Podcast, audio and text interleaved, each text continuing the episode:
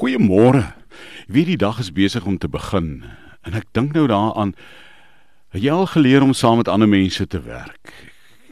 By die huis, by die werk, by die kerk, by die sportveld, waar jy ewer ook al be beweeg. 1 Korinte 10 of 1 Korinte 1 vers 10 sê julle moet van harte saamstem in julle denke en in julle visie. Dis nie altyd maklik nie.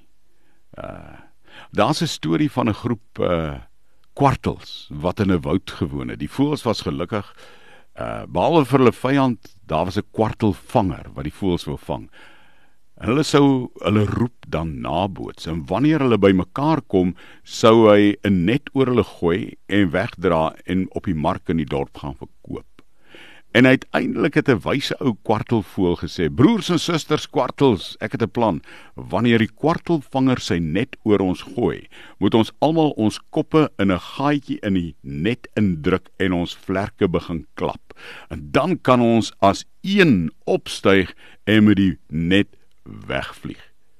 Die voëls het almal saamgestem en die volgende dag presies dit gedoen om suksesvol te ontsnap uit die net van die kwartelvanger.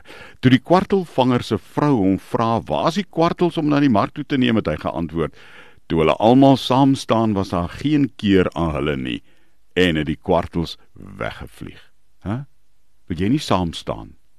Saam staan by die werk, saam staan in die kerk, saam staan by die huis, saam staan in die huwelik saam staan in jou verhouding, saam staan met jou vriende en saam staan.